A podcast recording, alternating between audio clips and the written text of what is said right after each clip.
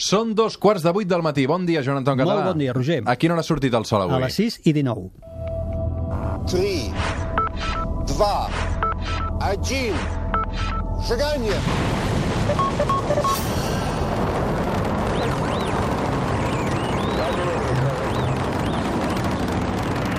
One small step for man.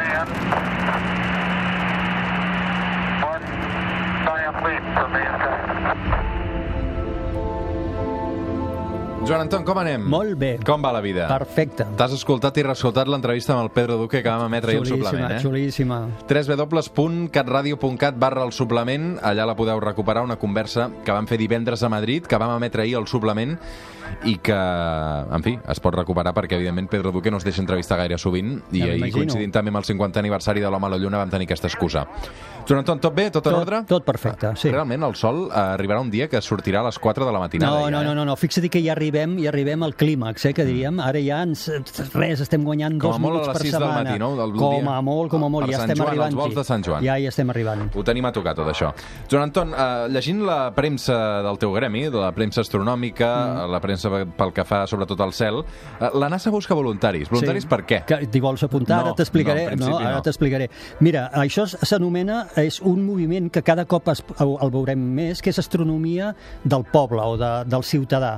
I ell, ells el que volen és que els ajudem han cartografiat la superfície d'un asteroide que es diu Bennu, a on hi tenim orbitant, la NASA hi té orbitant una missió que es diu Osiris, Osiris Rex, que aquesta missió ha d'acabar aterrant en, el, en un lloc per recollir mostres. El que passa que la cartografia que tenim indica que tota la superfície està coberta de roques i pedres. És increïble, les imatges són públiques i són al·lucinants. Uh -huh. Es busquen voluntaris per ajudar a cartografiar, a identificar roques i pedres individuals i ajudar a trobar un foraret on la sonda aquesta pugui desplegar el seu braç i recollir una mostra. Voluntaris entenc que no cobren, no? Que tots No, aquests. no, clar, el, dir, el, voluntari. Voluntaris són voluntaris. Doncs de debò, sí, sí. Fa uns dies amb el Joan Anton Català vam parlar de forats negres, aquells fascinants objectes de l'univers dels quals eh, doncs encara en sabem molt poc, però que ens van al·lucinar bastant i que són molt i molt interessants.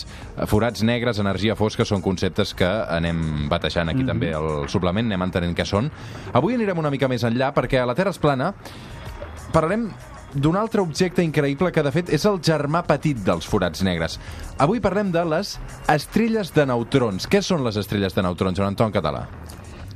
Doncs mira, les estrelles de neutrons són, com deies, els, les germanetes petites dels forats negres són el que jo anomeno les bèsties de l'univers, junt amb els forats negres. Seria el pas previ a ser un forat negre. Són objectes extraordinàriament densos, on la matèria està compactada, i perquè ens fem una idea, abans de començar a explicar una mica més en detall què són, si mai ens poguéssim apropar en la Sí. nostra nau, el que veuríem és un objecte extraordinàriament calent, superpetit, vol dir de la mida de pocs quilòmetres, amb la massa del Sol allà comprimida, que gira com un animal a moltes revolucions per segon i que emet uns eh, ratxos... M'ho estic imaginant com un meteorit gegant? No, no. Bueno, com una estrella, un sol, però que haguessis sí. fet petit, petita, petita, Sí. petita, però que girés al voltant seu d'una mm. forma bestial i que emetés radiacions pels seus pols. Mm. I, a més, l'atracció que faria amb la nostra nau ens, ens portaria cap a l'abisme. Hauríem d'apretar els motors per no caure dintre les seves garres. Com es forma una estrella de neutrons? Una estrella de neutrons es forma de forma eh, similar a, a un forat negre. Quan una estrella gegant de massa molt superior a del Sol se li acaba el combustible nuclear, que és el que ha permès viure en equilibri a aquella estrella eh,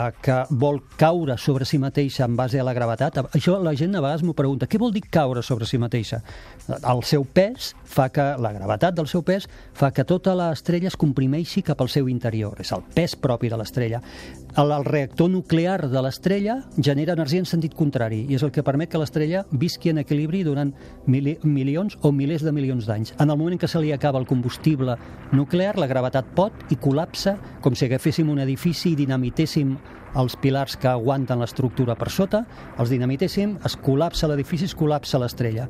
Tot cau a l'interior. La pressió de l'interior és brutal, ha d'aguantar tota aquella matèria que li cau a velocitats properes a la de la llum. Els àtoms no poden aguantar aquesta pressió, es comprimeixen entre ells fins que un àtom està format, com sabem, per protons i electrons, i també neutrons, es comprimeix tot tant que desapareixen els àtoms i es fusionen els electrons amb els protons per formar neutrons, i d'aquí la paraula estrella de neutrons. Realment avui eh, necessitem prendre punts, eh? perquè el Joan Anton Pren, Català pren. està, està, està pujant el nivell. Eh? Quines propietats tenen aquestes estrelles eh, de, de neutrons? Hem explicat com Sí. es forma un neutró, eh? Podem Exacte, repetir? Exacte. Si tu agafes un àtom i el pressiones tant com perquè l'electró caigui Mhm. sobre el seu nucli on hi ha un protó, amb dos es fusionen i formen un Electró neutró. més protó o neutró? Neutró, exacte. Quines propietats tenen aquestes estrelles Per de tant, neutrons? ja, ja hem vist que d'entrada són molt denses, perquè per haver pogut produir aquest col·lapse hem d'haver comprimit i comprimit i comprimit enormement una estrella. Per tant, superdensa. Superdenses vol dir que si agaféssim una capseta de llumins plena de la seva substància, de la seva matèria, una capseta de llumins a la Terra pesaria com 13 tones. Eh? Sí, això és el que faria si caigués aquesta capseta de llumins sobre nosaltres, no? Ens esclafaria absolutament. Més propietats. La gravetat és tan immensa, tan immensa, perquè estan molt, són molt densos, que per escapar-te d'allà necessitaries moure't a velocitats properes a la meitat de la, la, del llum, si no, no en sortiries. És a dir, ni a les velocitats més altes que nosaltres podem tenir en els nostres instruments, amb els coets, mai aconseguiríem escapar d'aquesta d'aquesta estrella. Després giren sobre si mateixa a grans velocitats i estan extremadament calentes. Com la Terra. Uh, no, gi- giren a, diverses revolucions per segon. Imagina't quines bèsties són. Comprimides tenen la massa equivalent a un parell de sols, Ah. comprimida en l'espai de pocs quilòmetres, 25 quilòmetres, a lo millor, o 20 quilòmetres amb la massa de dos vegades la del Sol, uh, girant com animals a diverses revolucions per segon. Fascinant, eh?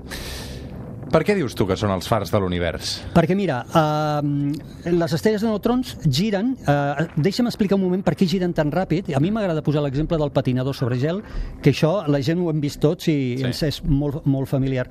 Quan un patinador uh, gira sobre ell mateix en el gel, ho fa amb els braços desplegats. En el moment en què ell ajup els braços sense haver de fer cap esforç, la velocitat rum, es dispara. Creix molt, sí. Això és una, una llei de la física, de la natura, que diu que s'ha de conservar la quantitat de moviment de rotació i el patinador ho sap i fa això. Pues l'estrella li ha passat el mateix. Quan aquesta estrella gegant que ha mort i s'ha col·lapsat, s'ha tornat més petita, obligadament la natura l'ha obligat a girar moltíssim més ràpid del que girava l'estrella pare, l'estrella progenitora. I això és el que fa que les estrelles de neutrons girin a velocitats enormes sobre elles mateixes. En el mateix moment que ho fan, emeten eh, a la radiació llum eh, pels seus pols magnètics. Llavors, tal com giren, pels aquests pols magnètics van escombrant a l'univers amb aquestes emissions molt focalitzades, molt centrades de radiació. Si nosaltres resulta que la Terra, per casualitat de perspectiva, es troba en el pas d'una d'aquestes emissions, rebrem com el, la llum d'un far que s'encén, rebem l'emissió, però com que ell gira molt ràpid la perdem immediatament fins que torna a girar i torna a passar aquest feix de llum. Igual, igual un far, diverses vegades per segon, a diferència d'un far que ho fa, no sé, un cop cada 10 segons o cada 15 segons que gira i tornes a veure el llum, aquestes ho fan, eh, poden Increïble. arribar a fer-ho centenars de vegades per segon. I tu això ho has batejat com el far de l'univers. Sí, i això els dic els fars de l'univers, eh? les estrelles de neutrons o els púlsars, que és un tipus d'estrella de neutrons que són aquests. Els púlsars no tenen res. Són estrelles de neutrons que només tenen una propietat, que per casualitat nosaltres ens hem situat a la perspectiva de visió en què ens arriba un d'aquests feixos de llum. I en això li donem pulsars, perquè pulsa. La seva senyal és pulsant. Ara s'encén, ara s'apaga. Ara s'encén, I tu dels púlsars dius que són els rellotges d'aquest univers. Clar, perquè són tan precisos, el seu moviment és tan, tan exacte que es poden arribar a utilitzar avui ja no, perquè nosaltres a la Terra tenim rellotges amb molta més precisió que aquests, com els rellotges atò- atòmics, però eh, si no els tinguéssim, o abans de que els tinguéssim, podríem aprofitar la rotació d'aquestes estrelles de neutrons, dels púlsars, per eh, tenir aquestes extraordinàries eh, rellotges d'una precisió absoluta. Som al suplement, som a Catalunya Ràdio, que fem aire, som amb el Joan Anton Català, això és la Terra es plana. Avui estem parlant de les estrelles de neutrons, un concepte que no és fàcil. Hem après que un neutró es forma després de que un àtom es Sí. divideixi entre un electró i Es, un es trenqui i, i es, es comprimeixi un, pro, un protó i un electró. protó-electró, neutró. Molt bé. Farem l'examen a final de curs. Sí, Ja veuràs. jo crec que provaràs, eh, No. Roger? Porto la xuleta aquí. Ja tornes a trencar, com t'agrada, porto la xuleta, però... però de moment no, no acaba de...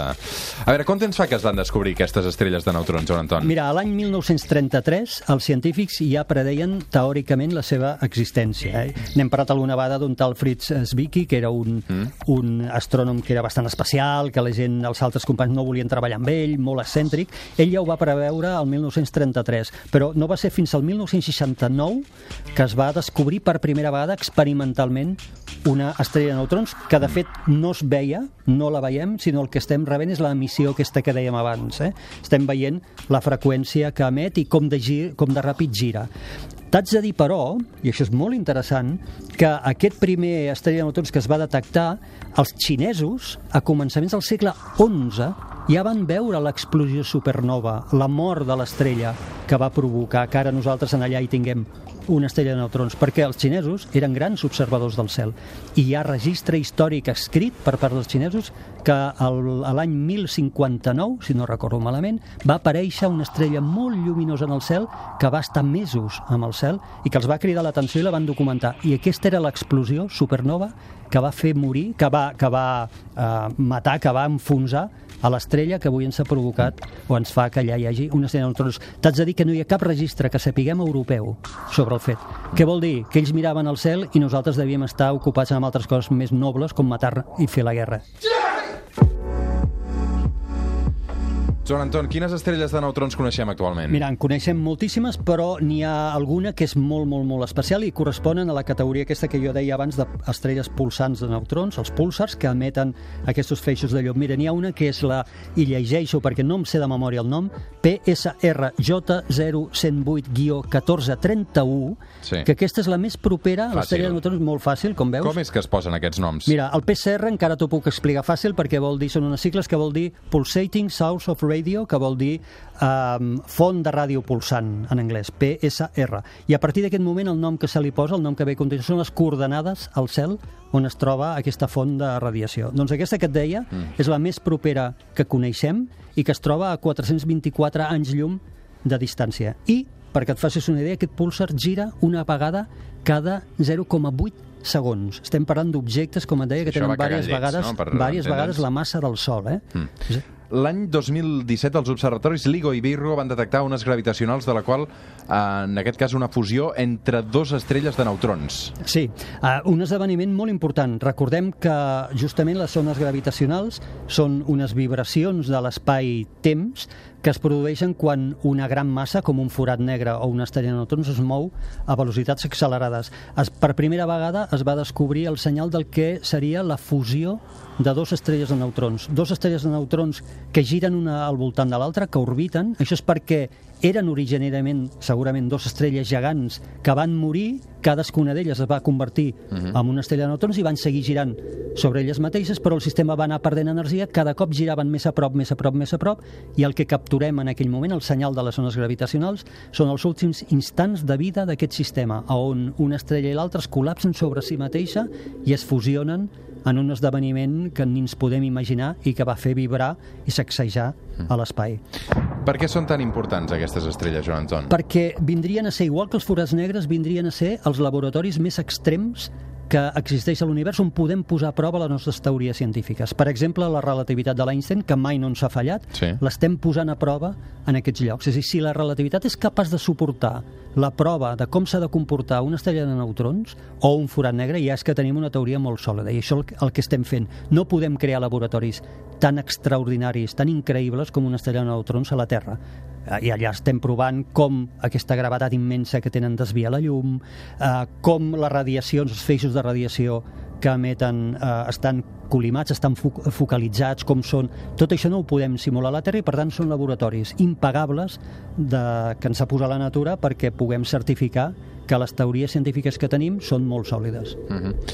Fem un repàs, Joan Anton. Uh, com queda el cicle de vida d'una estrella? El cicle de vida quedaria, les estrelles neixen dintre de nebuloses, que són aquests núvols que alguna vegada hem comentat, fets bàsicament per hidrogen i heli, que es col·lapsen per gravetat, allà neix una estrella, en el moment en què neix una estrella queda marcada la, el, el final, el seu destí. Si és una estrella petiteta com el nostre Sol, viurà milers de milions d'anys tranquil·lament fins que es jubili, convertint-se en una estrella gegant vermella primer i després es anirà apagant, apagant, fins formar una estrella, eh, una nana blanca, sense cap mena d'explosió. Però si en el moment de, de néixer ets una estrella gegant, ets una estrella gran, viuràs només uns quants poquets de milions d'anys, no donaràs temps a que cap, en cap dels teus planetes hagi pogut aparèixer i molt menys evolucionar la vida, i moriràs en forma de supernova. I en funció de lo gran que siguis, aquesta supernova generarà allà on hi havia l'estrella una estrella de neutrons o si ja eres molt, molt més gran, un forat negre. Fascinant l'entusiasme també com, com el Joan Anton Català ens ensenya cada diumenge a mirar cap al cel. Per cert, aquesta setmana, si aixequem la vista, què hi passarà? Mira, Júpiter el tenim perfectíssim. Júpiter ha entrat en oposició. Oposició seria la millor posició visual en el cel per apuntar-hi amb tot el que tinguem. Per tant, durant les properes setmanes, gent, agafem prismàtics, aquells que tenim a l'armari que no sabem què fer, i els apuntem cap a Júpiter, que és visible tota la nit, a mitjanit està al sud brillant, és la estrella, entre cometes, perquè no ho és, l'estrella més brillant que hi ha en aquest moment en el cel, la seva llum no fa pampallugues, molt fàcil d'identificar, i els prismàtics ja ens ensenyaran els quatre principals satèl·lits eh, que té eh, Júpiter. Estarem fent de Galileu, eh, en el principis del segle XVII, que amb el seu minúscul telescopi, avui qualsevol dels prismàtics que tenim a casa és molt més potent que el que que tenia, i mirant dia a dia veurem com aquests puntets dels seus quatre principals satèl·lits canvien de posició. És una activitat fantàstica per tothom. Joan Anton, just d'aquí una setmana, dissabte que ve, 15 de juny, serem al Gran Teatre del Liceu. Ho sé. Tu hi seràs. Oh, no hi faltaré. Convidat amb tota la família, espero. Gràcies. També et saludarem. Què han de saber els oients? Doncs que aquesta setmana els que ja els hi vam confirmar que tenien les entrades doncs poden passar per les instal·lacions de Catalunya Ràdio a recollir-les, o si no, si no van de cul, doncs també les podran recollir el mateix dia del programa a les taquilles del Liceu just abans de començar. L'espectacle comença a les 11 del matí puntualíssim, Ja fins a la ser 1 molt del migdia. A les 11 tothom assegut. Jo ja hi seré tocarà, abans, jo abans no sé si tocarà seré. platea o quart pis. Jo seré abans Joan perquè em toca el estarà- millor lloc, el millor lloc que pugui. Exacte, sí. Um, I allà, doncs, en fi, amb tot aquell cartell fantàstic, uh, en principi el Joan Anton no el farem cantar, però No, mai se sisplau, sap. Hi haurà no, sorpreses. no, si em dius haurà- això, igual no vinc, eh, Hi haurà Roger? sorpreses, hi haurà sorpreses. Joan Anton, una abraçada ben forta. Igualment, Fem una gràcies. pausa i arrenquem aquest suplement. Fins ara.